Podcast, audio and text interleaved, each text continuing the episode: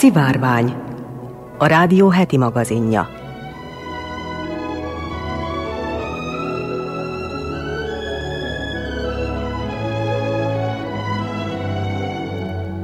Köszöntöm a szivárvány hallgatóit, Molnár Eleonóra vagyok, színes magazin műsorunk szerkesztője.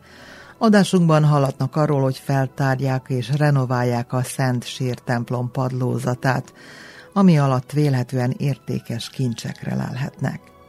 Szófejtő rovatot is indítunk, amiben egy-egy magyar kifejezés szólásmondás eredetét kutatjuk. A mai részben nyúlcipőbe bújunk, azután kiugratjuk a nyulat a bokorból, és ha már húsvét van, harangozunk is neki egyet. Tóth Glemba Klára műhelyébe is benézünk, ahol mi egyéb is készülhetne, mint patkolt tojás. Hallatnak arról, hogy Japánban található egy működő postaláda, amihez 10 méter mélyre kell merülni a tengerben. A híres magyar nők sorozatunkban ma Fischer Anni világhírű zongoraművész lesz a kiemelt. Érdekességünk egy férfiról szól, aki túlélt hét villámcsapást. A vajdasági épített örökségünk sorozatunkban meg az Óbecsei Tán emlékházba kalauzoljuk Önöket. Az ügyeletes csapat nevében jó vételt és kellemes időtöltést kívánok.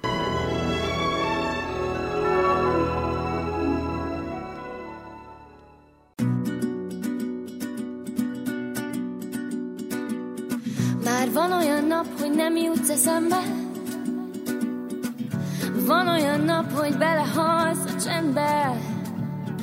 Már van olyan nap, hogy nevetek egy viccen pedig nélküled semmim sincsen.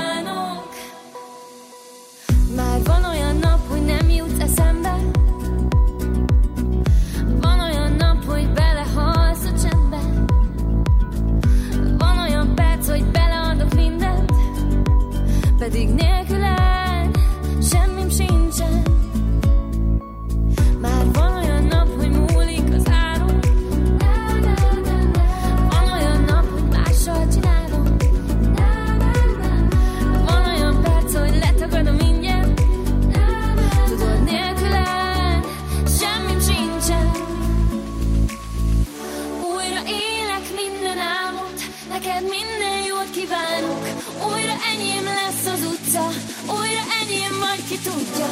Újra nevetnem kell rajtad, hogy lehet, hogy ezt így hagytad.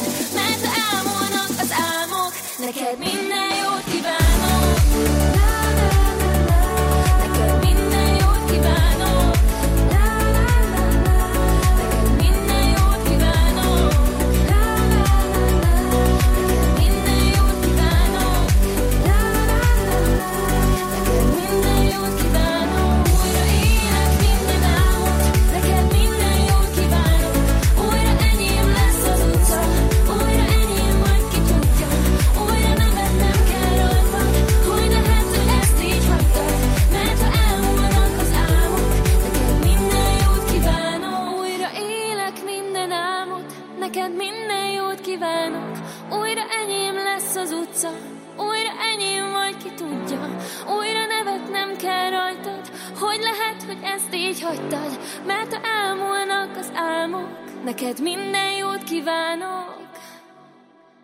Feltárják és renoválják a Szent Sír templom padlózatát Jeruzsálemben, jelentette a The Jerusalem Post című angol nyelvű izraeli újság honlapja. Megkezdték a Szent Sír templom padlózatának két évig tartó régészeti feltárását és restaurálását Jeruzsálemben.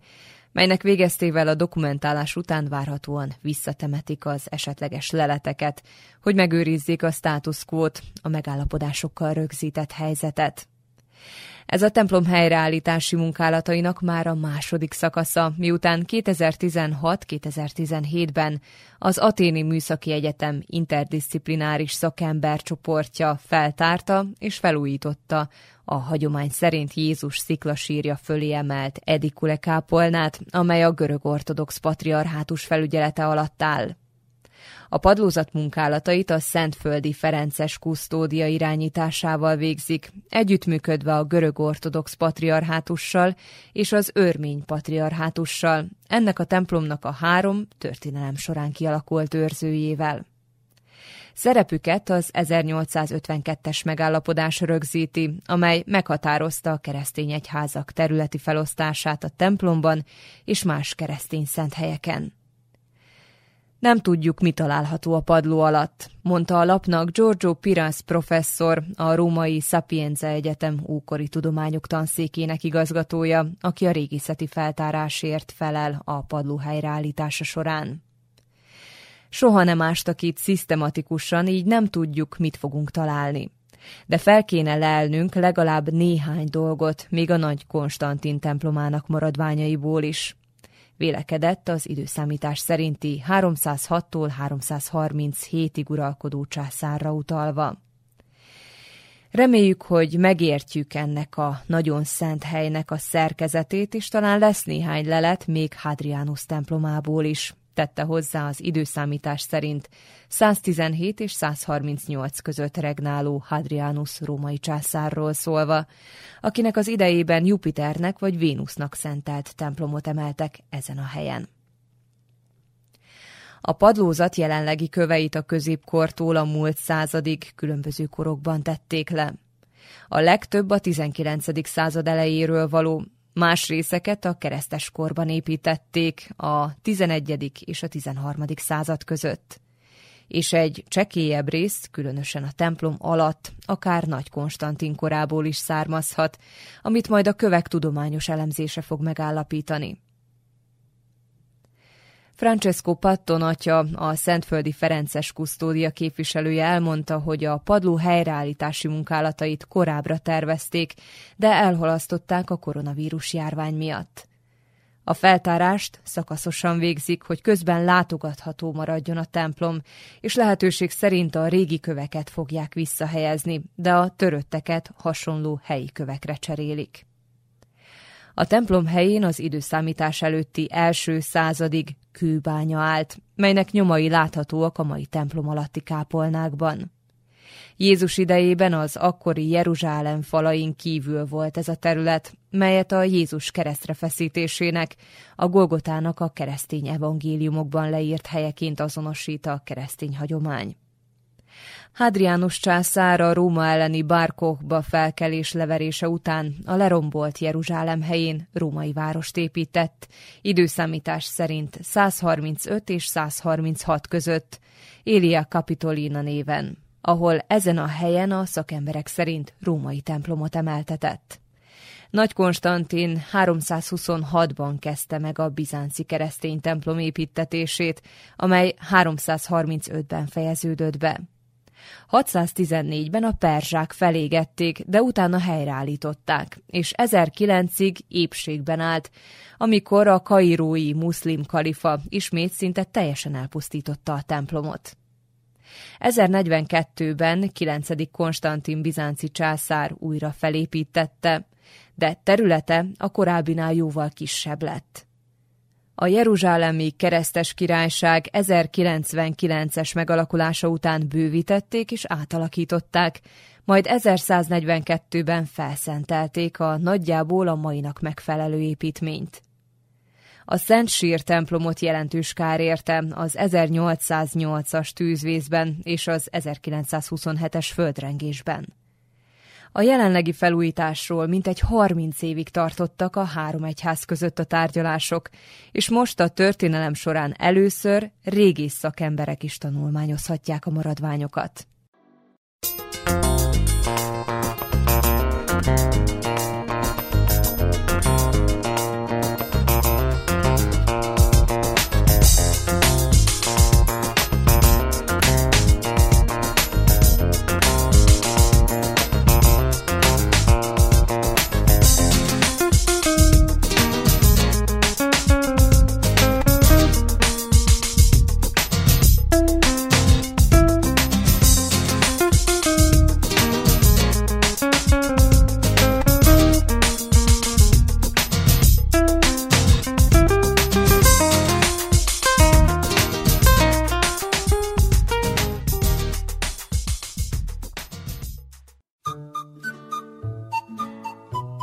Ez az Újvidéki Rádió heti színes magazin műsora, a Szivárvány. Szófejtő rovatot indítunk a szivárványban, amelyben minden alkalommal egy-egy magyar kifejezés szólásmondás eredetét kutatjuk majd. A mai részben nyúlcipőbe bújunk, azután kiugratjuk a nyulat a bokorból, és ha már húsvét van, harangozunk is neki egyet, és azt is elmondjuk, mit jelent a házi nyúlra nem lövünk szólásunk. Nyúlszívű, gyáva, mint a nyúl, nyullá vált, hallgat, mint a nyúl, nyúlpasszust vált. Számtalan szólásban és közmondásban visszaköszön a nyúl egyik legjellemzőbb tulajdonsága, általában eliszkol megfutamodik jelentésben. Ilyen például a magyarban a felveszi a nyúlcipőt, aminek régen létezett felveszi a nyulak bocskorát változata is, vagy a német das Hasenpanier ergreifen. Utóbbi kifejezés jelentése ugyanaz, mint a magyaré, szó szerint azonban a mai németben értelmetlen, megragadja a nyúlpanírt. A Hasenpanír kifejezés utótagja azonban csak népetimológiás ferdítés eredménye, a régi németből adatolható egy korábbi Hasenbanner változat is. Ez tehát eredetileg a nyúlzászlót ragadta meg az, aki elmenekül. A nyúl zászlaja pedig nem más, mint a rövid farka, amely menekülés közben felfelé mered. Olvasható az Állati szólások és közmondások című könyvben. A nyúl félénkségére, gyávaságára célzó szólások mellett persze olyanokat is találunk, amelyek elismerően nyilatkoznak a nyúl futásáról. Az úgy fut, mint a nyúl szólás hasonlat ugyanis nem csak a félős eliszkolásra használatos, hanem a futás gyorsaságára is céloz. A németben a Hasenfuss nyulláb kifejezés a 14. századig ugyancsak arra vonatkozott, hogy valaki nagyon fürgén fut, akárcsak ennek szó szerinti angol megfelelője a harefoot, amely még ma is a gyors sportolóra vonatkozik. A Hasenfuss jelentése azonban később a németben némiképp megváltozott, és eltolódott a bolondos kelekútja irányába. A nyúl vadászatához kapcsolódik a ma már ravaszmesterkedéssel színvallásra, nyílt állásfoglalásra késztet valakit jelentésű kiugratja a nyulat a bokorból szólás is, amely arra utal, hogy a vadászat során a hajtók a bokrokba, fákodvákba bújt állatokat úgy próbálják meg előcsalni rejtekhelyükről, hogy botokkal ütik a bokrokat és az avart. Ezzel felriasztják és a vadászok elé terelik az ott megbújt vadakat. A szólás német megfelelője éppen erre a tevékenységre utal. Bei jemandem auf den Buschklopfen, azaz valakinél ráüt a bozótra. Érdekes szólás a német nyelvjárásokból ismert dem Hauslauten, a nyúlnak harangoz is, mely egy hesseni húsvéti szokással van összefüggésben. Húsvét első napjának reggelén egy gyerek oda megy a templom kapujához, és elkezdi hangosan kiabálni, hogy bom-bom. Erre előbb a közeli, majd a távolabbi házak udvarából is felhangzik a kiáltás bom-bom, majd a felnőttek közösen kocintanak a húsvét örömére. A szokás azzal a Magyarországon is ismert elképzeléssel van összefüggésben, hogy a templomok harangjai a nagy hét utolsó három napján Rómába költöznek, ahol újra felszentelik őket. Ezért kell őket az emberi hanggal, illetve a fából készült kereplővel helyettesíteni. És azt tudták-e, mit jelent az alábbi népi mondás? Házi nyúlra nem lövünk. Nagycsaládi összejövetelen nem érdemes elkezdeni politizálni. Munkatársal nem kezdünk romantikus viszonyt. Bal szerencsét hoz, ha házi nyúlból készítünk paprikást. Ezek a jelentései.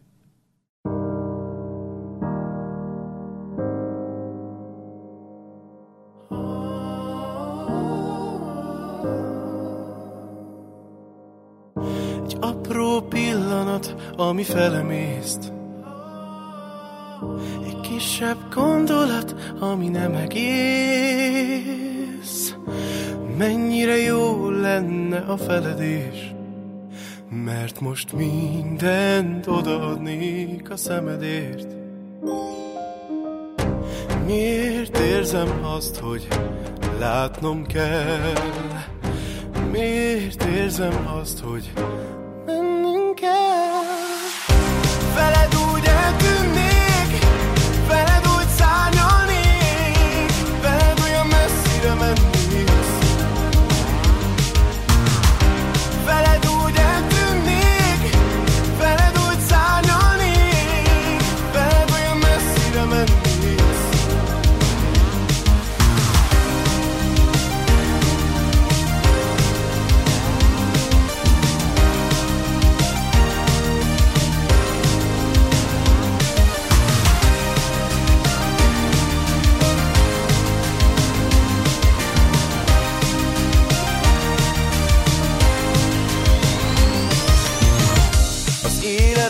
nélküled már nem egész. Bármit teszek, te neked már nem elég. Bár lenne még egy lopott éj, mikor mindent megadnék, hogy velem légy. Miért érzem azt, hogy hinnem kell? Már értem azt, hogy lépnem kell.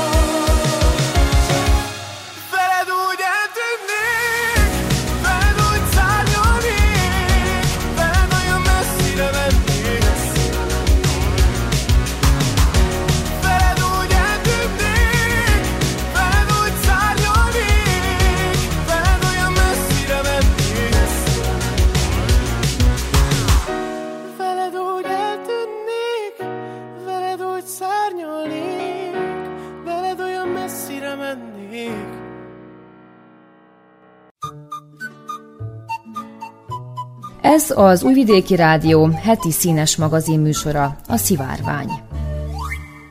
A múzsjai Tóth Glemba Klárát már nem csak kisebbségkutatóként, néprajzkutatóként, a hagyományok szerelmeseként ismerjük, de azt is tudjuk róla, hogy híres tojásfestő, aki csipkézett, kihímzett, horgolt tojást is készít, sőt most, amikor műhelyébe betértünk, elmagyarázta és megmutatta, hogyan kell megpatkolni egy tojást. Kónya Kovács Otília beszélgetett vele. Itt a műhelyben vagyunk, és tényleg, hogy készül egy patkolt tojás, ez libatojás, ugye, amivel dolgozol? Ez egy libatojás, amelyre most elkészítettem előzetesen a patkót, és ez úgy történik a munkamenete, hogy körülbelül eltervezem, hogy hova is fogom tenni ezt a patkót, és itt megjelölöm egy ceruzával ezt a pontot. Ezt valamikor régen tűvel fúrták ki ezt a lyukat, de én használok egy ilyen kis kézi fúrót, amely használata sokkal könnyebb és sokkal biztosabban tudok vele dolgozni.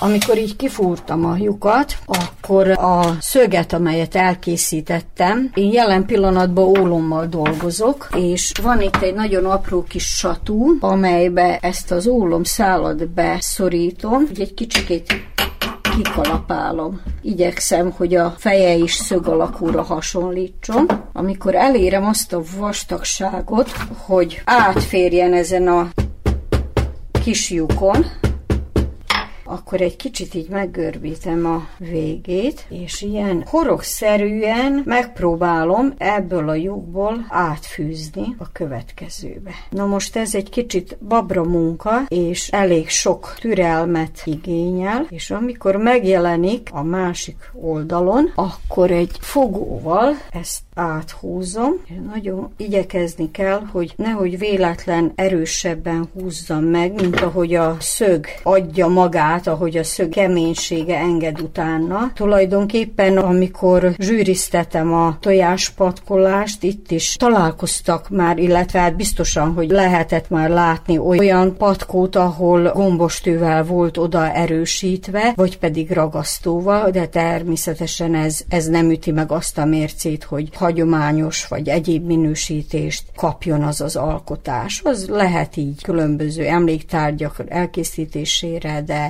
amikor komolyan foglalkozunk vele, akkor a szöget is saját magunk készítsük. Most amikor ennek sikerül így átjönni, akkor igyekszünk addig hajlítani, ameddig ez a szög ezt megengedi, majd jó erősen visszahajlít.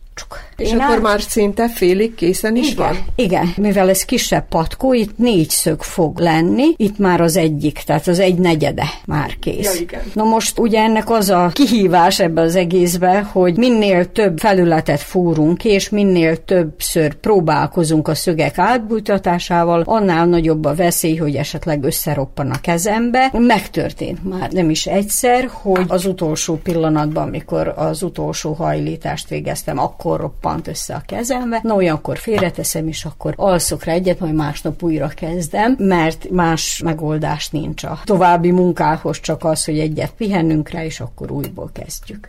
Ezek volnának azok a szerszámok, tehát van itten üllő, van itten satú, kalapács, fogó, és természetesen számos ilyen kis szög, amelyeket most én már félig elkészítettem, és ezt így addig kell kalapálni, még olyan vékonyra nem kalapálódik, hogy átférjen ezen a kis lyukon. Természetesen ez egy kicsit nem hiába férfiak csinálták valamikor, kicsit piszkos lesz a kezünk tőle, meg ugye azért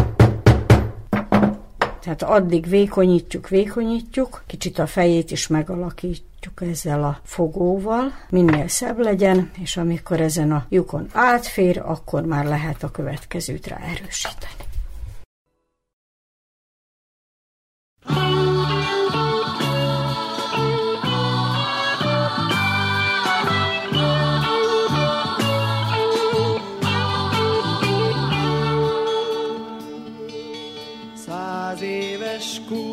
Magas fák közt a kertben, tiszta vízű, hűvös és mély. Száz éves kút, öreg elhagyott jószág, hajolj fölé,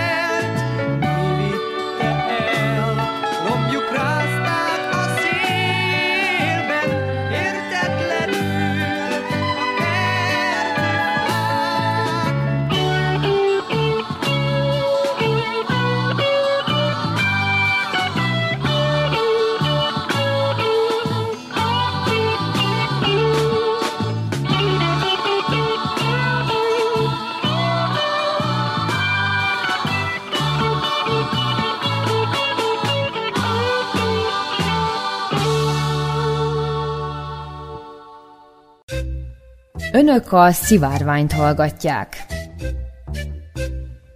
Japánban van egy működő postaláda, amihez 10 méter mélyre kell merülni a tengerben. Elsőre totális baromságnak tűnhet, hogy egy postaládát több méter mélyre helyezzenek el a tengerben, Mégis világszerte vannak ilyen pontok, Norvégiában, Maláziában is, ahol, ahol a kellően lelkes búvárok feladhatják a leveleiket a víz alatt.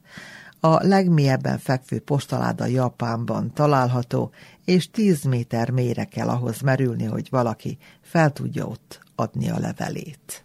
A Susami öböl Japán déli részén fekszik, itt található Susami egy közel 4000 fős kis halászfalu, ahol először született meg az a meglehetősen unortodox gondolat, hogy mi lenne, ha postaládát helyeznének a víz alá. Az ötlettel még 1999-ben állt elő a település akkor 70 éves postása Matsumoto Toshiko. Matsumoto ezt a nem mindennapi ötletet azért találta ki, mert Susami alapvetően egy tök ismeretlen kis település Japánban, amelyen keresztül megy a turisták körében rettentően népszerű Kunamo Kodo út.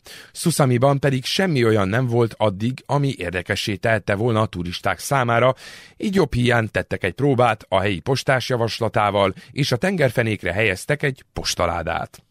A húzás annyira bejött, hogy Susami ma már a kötelező állomása a túrázóknak, és aki megállít, annak szinte kötelező lemerülnie, hogy aztán feladjon valakinek egy levelet a víz alatt. Természetesen nem sima, hanem vízálló bevonattal bekent képeslapot használnak, amelyre olajbázisú filccel lehet írni, és egy speciális víz alatt is működő pecséttel látják el a feladás előtt. Pár naponta a helyi bolt alkalmazottja lemerül, kiveszi a leveleket és elviszi azokat a postára, ahol aztán feladják a címzetteknek. A turista látványosság annyira népszerű, hogy naponta 1000-1500 levelet dobnak a postaládába. Susami víz alatti postaládája még a Guinness rekordok könyvébe is bekerült, mint a legmélyebben fekvő postaláda, azonban az évek során is számtalan más országban is indítottak hasonló akciót, és végül 2015-ben elvesztette ezt a címet. A malajziai Pulau Layang Layangban ugyanis 40 méter mélyre telepítettek egy postaládát, ami azóta is világrekord. Érdekesség egyébként, hogy hivatalosan a legelső víz alatti posta nem is Japánban volt, hanem a Bahamáknál. John Ernest Williamson a víz alatti fotózás egyik úttörője hozta létre 1939-ben.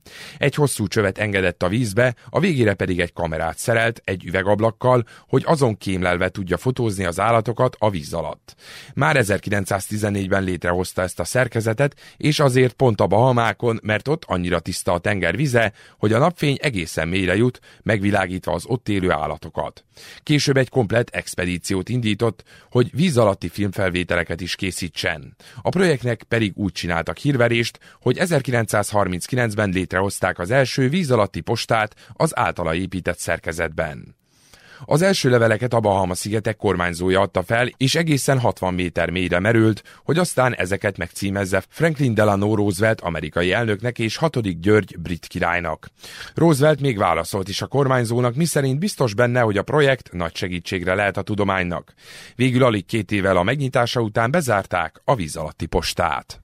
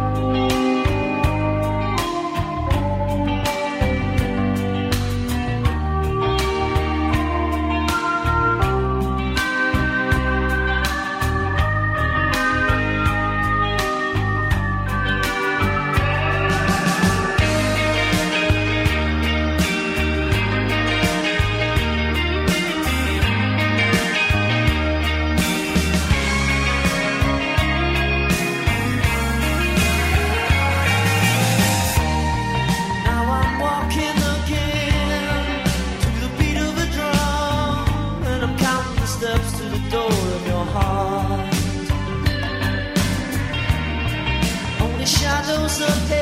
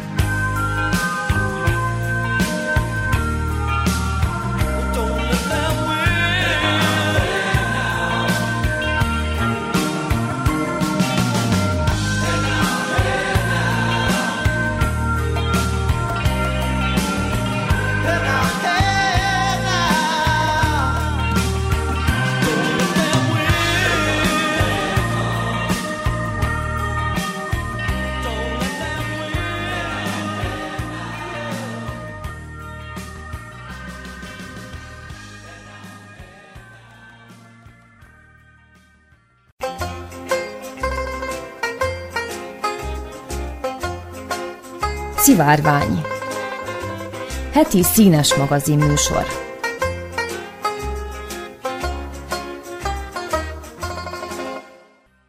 A csoda gyerekekből sokszor legfeljebb csodabogarak lesznek felnőtt korukra, de azért előfordul, hogy valakit élete végéig, sőt még azután is csodál a világ. Fischer Anni különleges gyerek volt, akiből világhírű zongoraművész lett.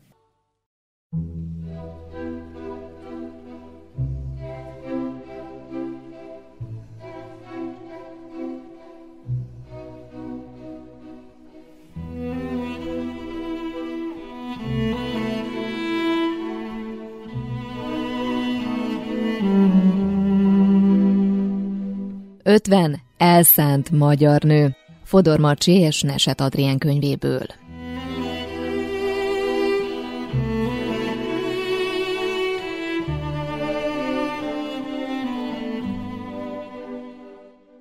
Fischer Anni született 1914-ben, elhunyt 1995-ben. Szülei hamar felfedezték, hogy a kis Anni csupa zene. Örökmozgó, élénk kisgyermek volt, aki egy percig sem tudott csendben maradni. A szomszédjukban lakott egy kislány, aki elkezdett zongorázni tanulni, és a zeneszó egészen elbűvölte az alig egyéves Annit. Attól kezdve egy zsámolyon ücsörögve hallgatta, ami éppen szólt. A gramafont, a rádiót, vagy épp a szomszédból átszűrődő dallamokat. Amikor a szomszédlány már olyan ügyesen játszott, hogy tanítványokat is fogadhatott, Anni naphosszat nála ült.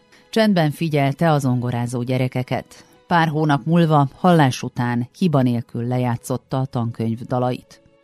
Öt évesen édesapja születésnapjára megtanult egy egész szonátát, még mindig kotta nélkül. Az édesanyja komolyan vette Anni tehetségét és bevitte a zeneakadémiára. Ott egy híres tanár meghallgatta, és elámult az írni-olvasni még nem tudó kislány játékán. Anni a következő évben megkezdhette zenei tanulmányait. Első koncertjét hét évesen adta.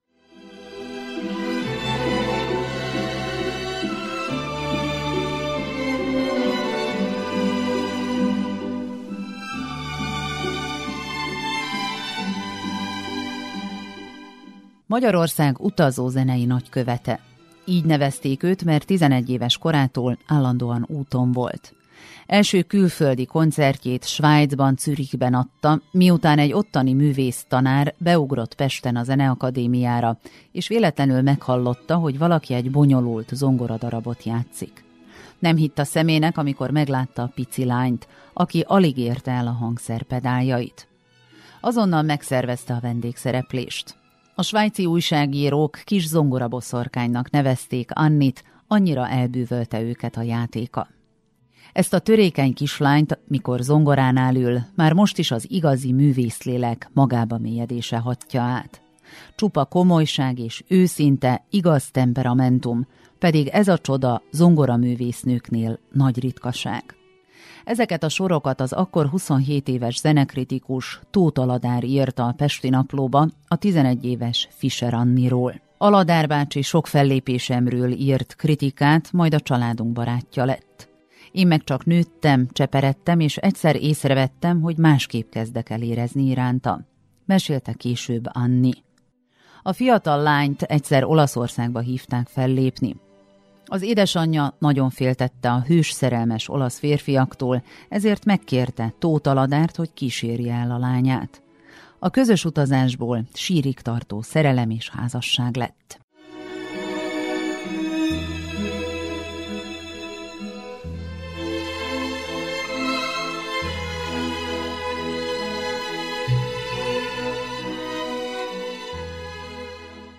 A felnőtt Fischer Anni nem adott interjút a legismertebb lapoknak és újságíróknak sem. Amikor 68 évesen Amerikában készült fellépni, csak lassan fogytak a jegyek. Az egyik zenésztársa győzködte, hogy most az egyszer gondolja meg magát, ha nyilatkozna a New York Times híres kritikusának, több jegyet tudnának eladni. Ám Anni hajthatatlan maradt. Az előadás napján a zenésztárs döbbenten látta a Carnegie Hall körül kígyózó sorokat, majd a zsúfolásig megtelt termet. Hát ez meg hogy lehet? hüledezett. Ez teszi a szóbeszéd, jegyezte meg a művésznő.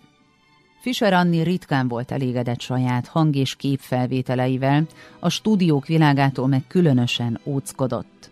Ő a koncertek izgalmát szerette. Rajongói és barátai azonban kalózfelvételeket készítettek a fellépéseiről.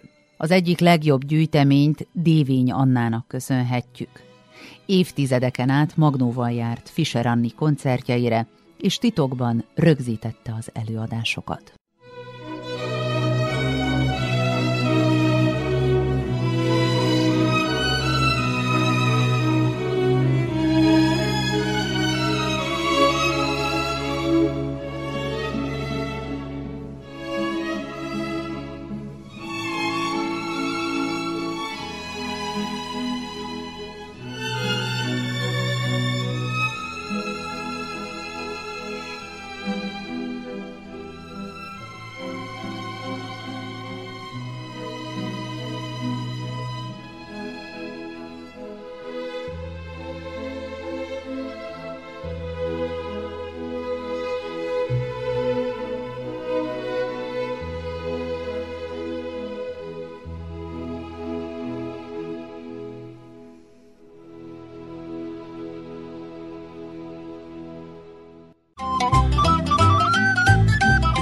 Önök az Újvidéki Rádió szivárványát hallgatják.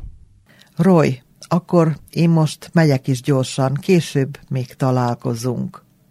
Mondta a Shannon Nemzeti Park egyik parkőre a másiknak 1975-ben, miután megdörrent az ég. Ő volt az a férfi, aki túlélt hét villámcsapást. Roy Sullivan ezt a vihart is megúszta épp bőrrel. Sullivantől azért féltek már a kollégái egy kicsit, mert valósággal vonzotta a villámokat, akárhol is járjon. Hiába nyugtatta a partnerét, hogy hatodszor már csak nem csap bele a villám, tévedett. Sőt, nem sokkal később még egy ilyen esete volt, így összesen hétszer élte át, milyen az, amikor közelebbi kapcsolatba kerül egy villámmal. A beceneve is ekkor alakult ki, villámhárító ember. Az első villámcsapást még gyerekkorában szenvedte el, amikor éppen segített a mezőn kaszáló édesapjának, és a kasza pengéjébe vágott a villám. Mivel ezt nem tudta bizonyítani, és mert derültékből érte, ez volt az egyedüli, ezért figyelmen kívül is hagyta, amikor a villámcsapásokról kérdezték. Arra már tisztán emlékezett, és nem is úszta meg nyom nélkül, amikor 30 éves korában, 1942-ben egy toronyba menekült a vihar elől, aminek még nem készült el a villámhárítója. Visszaemlékezése szerint a toronyba többször is belecsapott a villám, és miután kigyulladt, az erdő felé vette az irányt, amikor menekülés közben őt is eltalálta egy. Erre utalt egy kisebb, pár centis hegg a lábán, a kiszakadt cipője, illetve megsérült lábúja. Egyes források szerint csonkolódott is. Hosszabb szünet után szinte évenként érték a balesetek. 1969-ben a kocsijának lehúzott ablakán át érte villám. Ha fel van húzva, jó eséllyel megúszza. A szempilláját, a szemöldökét és a haját perzselte meg. Nagy szerencséje volt, mert ekkor elveszítette az eszméletét, de nem hajtott gyorsan, és egy testesebb szikla megfogta az autóját. Egy év múlva 1970-ben a kertjében volt a férfi, amikor a tőle nem messze levő transformátorba csapott a villám egy zivatarkor, és a becsapódás után a villám egyik eltévedt sugara a bal vállának ugrott. 1972-ben a munkahelyén a parkban dolgozott, amikor a villámcsapás után begyulladt a haja. A kabátjával nem tudta eloltani, a mosdóban egy vizes törölközővel sikerült neki. Életében először volt halál félelme, és kezdett hinni abban, hogy nem lehet a véletlen műve ennyi villám, hanem el akarja pusztítani őt valami magasabb hatalom. Az eset után, ha vihar jött, megállt az autójával, és a kormány alá kuporodott. 1973. augusztus 7-e a következő dátum. Akkor tartósan kórházba is került, hetekig ápolták. Felhagyott korábbi taktikájával valamiért, és pehére kiszállt a kocsiából a viharban. Ahogy elhagyta a gipjét, lesújtott rá a villám. A bal kezét és a bal lábát érte a csapás, leszakította a cipőjét, megsérült a jobb lába is több helyen. Eszméleténél maradt, visszakúszott a kocsiához, az abban lévő flakonnyi vizet a füstölgő hajára locsolta. Olyan érzése volt, mintha vadászott volna rá egy felhő, mert ahogy haladt, szinte folyamatosan követte. A cikk elején idézett párbeszéd egy évvel azután zajlott, hogy ez az eset megtörtént, és teljesen felépült a kórházban. A nyugis 1975 után 1976-ban jött az újabb csapás, de akkor kisebb bokasérüléssel átvészelte, amikor a közelében ért földet egy villám. Az utolsó dátum 1977. június 25-én egy tónál pecázott, amikor a fejét érte a villám, de csodával határos módon nem ölte meg. A melkasát és a gyomrát, valamint a hátát is megégette. A Guinness Rekordok múzeumában őrzik a lyukas kalapját, de azt nem jegyezték fel, hogy ekkor keletkezette a sapkán az égési sérülés. Ha ennyi még nem volna elég, egyszer a felesége közelében vágódott be egy villám, de ő sértetlenül megúszta. Virginiában, ahol Sullivan gyerekkorától élt, évente 45 olyan nap is lehet, amikor zivatar fordul elő, és évente legalább egy ember meg is hal villámcsapásban a kimutatások szerint. Sullivan mindig szerencsés volt. Hogy meddig élt volna, az nem derült ki, mert 1983. szeptember 23-án 71 éves korában a fegyverét szerelmi bánatában maga ellen fordította. Arról számoltak be a korabeli lapok, hogy a temetése idején, amikor a koporsóját végső nyughelyére vitték, megdörrent az ég, és persze villámlott is. Sullivan esetét őrzi a Guinness rekordok könyve. Melvin Robertsét viszont nem. A dél-karolinai férfi azt állította, hogy őt az egész élete alatt tizenegyszer érte villámcsapás, kétszer fűnyírás közben például, de hitelt érdemlően nem tudta bizonyítani ezeket. Ez a Szivárvány, heti színes magazinműsorunk.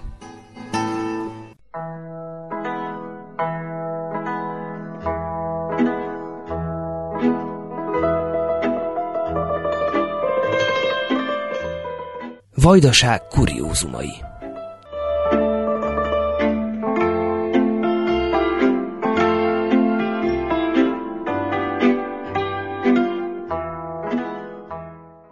A vajdasági épített örökséget ismertető sorozatunkban ma az Óbecsei Tán emlékházba kalauzoljuk hallgatóinkat. Bonifát László, a Tán értelmiségi kör elnöke beszél a tudnivalókról. A tánház kiötlésénél felmerült ez a kérdés, pontosan ugyanez a kérdés, és ez a talán a mai, mai napjaink, vagy az elmúlt évtizedünknek és a jövő évtizednek az egyik nagy kérdése, hogy gyönyör, rengeteg gyönyörű szép épületünk van, de mit kezdünk velük? Az, hogy felújítjuk, az egy nagyon szép elképzelés, és meg is kell csinálni, hiszen az örökségünket azt a, arra vigyáznunk kell, de hogy milyen funkciót adunk neki. Pont ez volt a kérdés a Tán emlékháznál is, és mi úgy gondoltuk, hogy egy a tudomány népszerűsítő tevékenység az, az egy hiánytevékenység itt nálunk. Itt nálunk a Vajdaságban nem sok olyan intézmény, olyan épület, olyan szervezet működik, ami tudomány népszerűsítéssel foglalkozik, és ezt az űrt próbáljuk meg mi kitölteni itt a Tán emlékházban. De picit adott is volt jelképesen a tánfivérek múltjából. Persze, tehát a, az egész ötlet onnan ered, hogy van nekünk egy tánmórunk, és van nekünk egy tánkárolyunk. Ők ugye fivérek, a tánmór festő, tánkároly kémikus. Tevékenységük alapján egyforma nagyságúak, Tánmór többen ismerik, a, a, hiszen a festészet az mégiscsak egy kicsit emberközelibb, mint a kémia, de viszont Tánkára is óriásit alkodott az élete során. Ugye van ez az anekdota, hogy csak azért nem kapott Nobel-díjat, mert nem volt még akkor Nobel-díj. Tehát, hogy egy, egy mértékegységet neveztek el a nevéről. Tehát van a, a tán, az egy mértékegység, ami a gyógyvizekben méri a különböző összetételeket. Na most adott volt ez a két név, adott volt ez a két ember, adott volt ez a két hagyaték, és a kérdés az az volt, hogy hogy fogjuk ezt bemutatni a nagy közönség számára. És itt találkozott a művészet és a tudomány népszerűsítés, mert azt döntöttük el, hogy a Tán Mór hagyatékát mi úgy fogjuk ápolni, hogy a egy tudomány népszerűsítő központot, parkot hozunk létre, ami 20, az elejében 23, most már 27-8 eszközzel megindul, és ez a fizikai, kémiai, optikai, stb. törvényszerűségeket mutatja be a gyerekeknek. Ez mellé Tán Mór pedig a festményeivel és a tevékenységeivel próbáltuk bemutatni, úgyhogy a maga a tánház egy kettősség. Ha megkérdezik, hogy mi is a tánház, azt mondom, hogy tudománynépszerűsítés. De a tudománynépszerűsítés mellett még a, a festészetet is bemutatjuk az embereknek, a, bemutatjuk a művészeteket. Tehát ez egy, egy, egy nagyon komplex, nagyon komplex történet. És a rendezvények helyszíne is a tánház. Így van, pont folyik itt egy festészeti kolónia. Minden évben megszervezik nálunk, tehát ettől az ilyen programoktól kezdve egészen az oktató jellegű programokig, a fizika, kémia, biológia előadások megtartása, továbbképzések megtartása, minden belefér a, a Tán emlékháznak a profiljába. Tehát a rendezvényeken kívül, ugye most a járványhelyzeten kívül nézve éves szinten rengeteg, szinte hetente vagy havonta néhány rendezvényt tartanak itt, de ezek vagy meghívásos, vagy eljöhet, akit érdekel az előadás, vagy az alkotótábor, vagy egy-egy akár kulináris rendezvény. Viszont az imént említett tárlatokat, kiállításokat, egy-egy érdeklődő, akár egy turista, hogyha becsére jön, hogyan tekinthet meg, vagy hogyan juthat be a tánházba? Minden nap 9-től 5-ig, hogyha bekapog a tánház ajtaján, akkor a tánház ajtaja az kinyílik, és be tud jönni, meg tudja látogatni ezeket az állandó kiállításainkat. Úgyhogy minden hétköznap itt várjuk a vendégeket, és be tudnak jönni, meg tudják nézni a kiállításunkat. Azt hozzá kell tennem, hogy a inkább szervezetten jönnek, főleg gyerekek jönnek, de volt olyan, hogy egy indonéz egyetemi csoport, vagy Indonéziából származó néhány ismerős, aki újvidéken tanult, bejött hozzánk megnézni, hogy na mi is van itt. Tehát van minden, van minden, a tánház kapuja az nyitva áll mindenki számára. Folyamatosan évek során újították föl az épületet. Milyen állapotban volt az épület, amikor eldöntötték, hogy ezt az épületet fölújítják, és hogy egy ilyen teret alakítanak ki? Tehát hány éve történt ez, és egyébként hányban épült? Mi a története a háznak? Maga az emlékház, tehát inkább maga a ház, az valahol a 18. század végén, 19. század elején épült, ugye tám fivérek laktak itt, Tán Károly és Támor, ez volt a családi házuk, igen. És belvárosban van Óbecsén? Így van, ez a központtól vagyunk egy 50 méter, 100 méterre. Tehát, hogy ez a, a Óbecse szívében. A, na most ez a ház, mikor már a támfivérek értelmiségi kör megalakult 95-ben, akkor, akkor már egy elhagyatott, nagyon rossz állapotban lévő ház volt. Az akkori tagjaink és elnökünk ő kiárta azt az utat, hogy a tetőszerkezet legyen megjavítva. Ez a 90-es évek végén, 2000-es évek elején meg is valósult. Viszont amikor odaértünk már a 2011-es, 2-es évekhez, akkor már annyira rossz állapotban volt maga az egész ház, hogy ez a tetőjavítás az, az, az már nem tudta kihúzni a, a problémából a tánemlékházat, úgyhogy újjá kellett építenünk.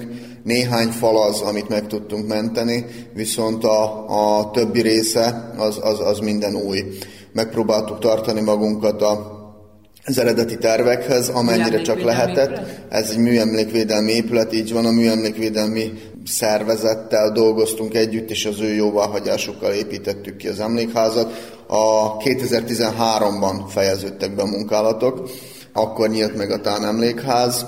Ez volt az első és a második fázisa az épület felújításának. A harmadik fázisát az pedig a Covid hozta. Nagyon-nagyon sok rossz dolgot el lehet mondani a Covidról, nekünk is a tevékenységünket óriási mértékben befolyásolta.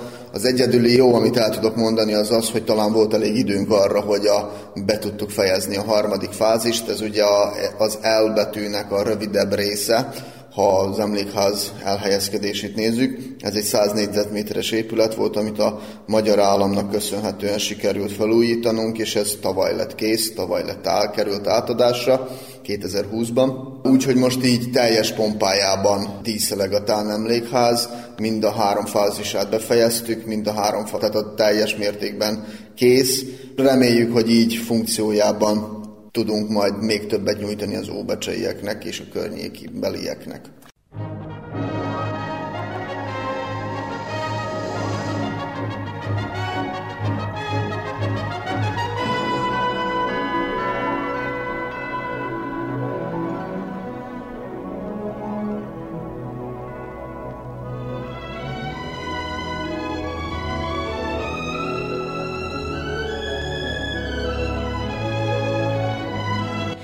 A szivárványt hallották. Heti színes magazin műsorunkkal egy hét múlva jelentkezünk ismét.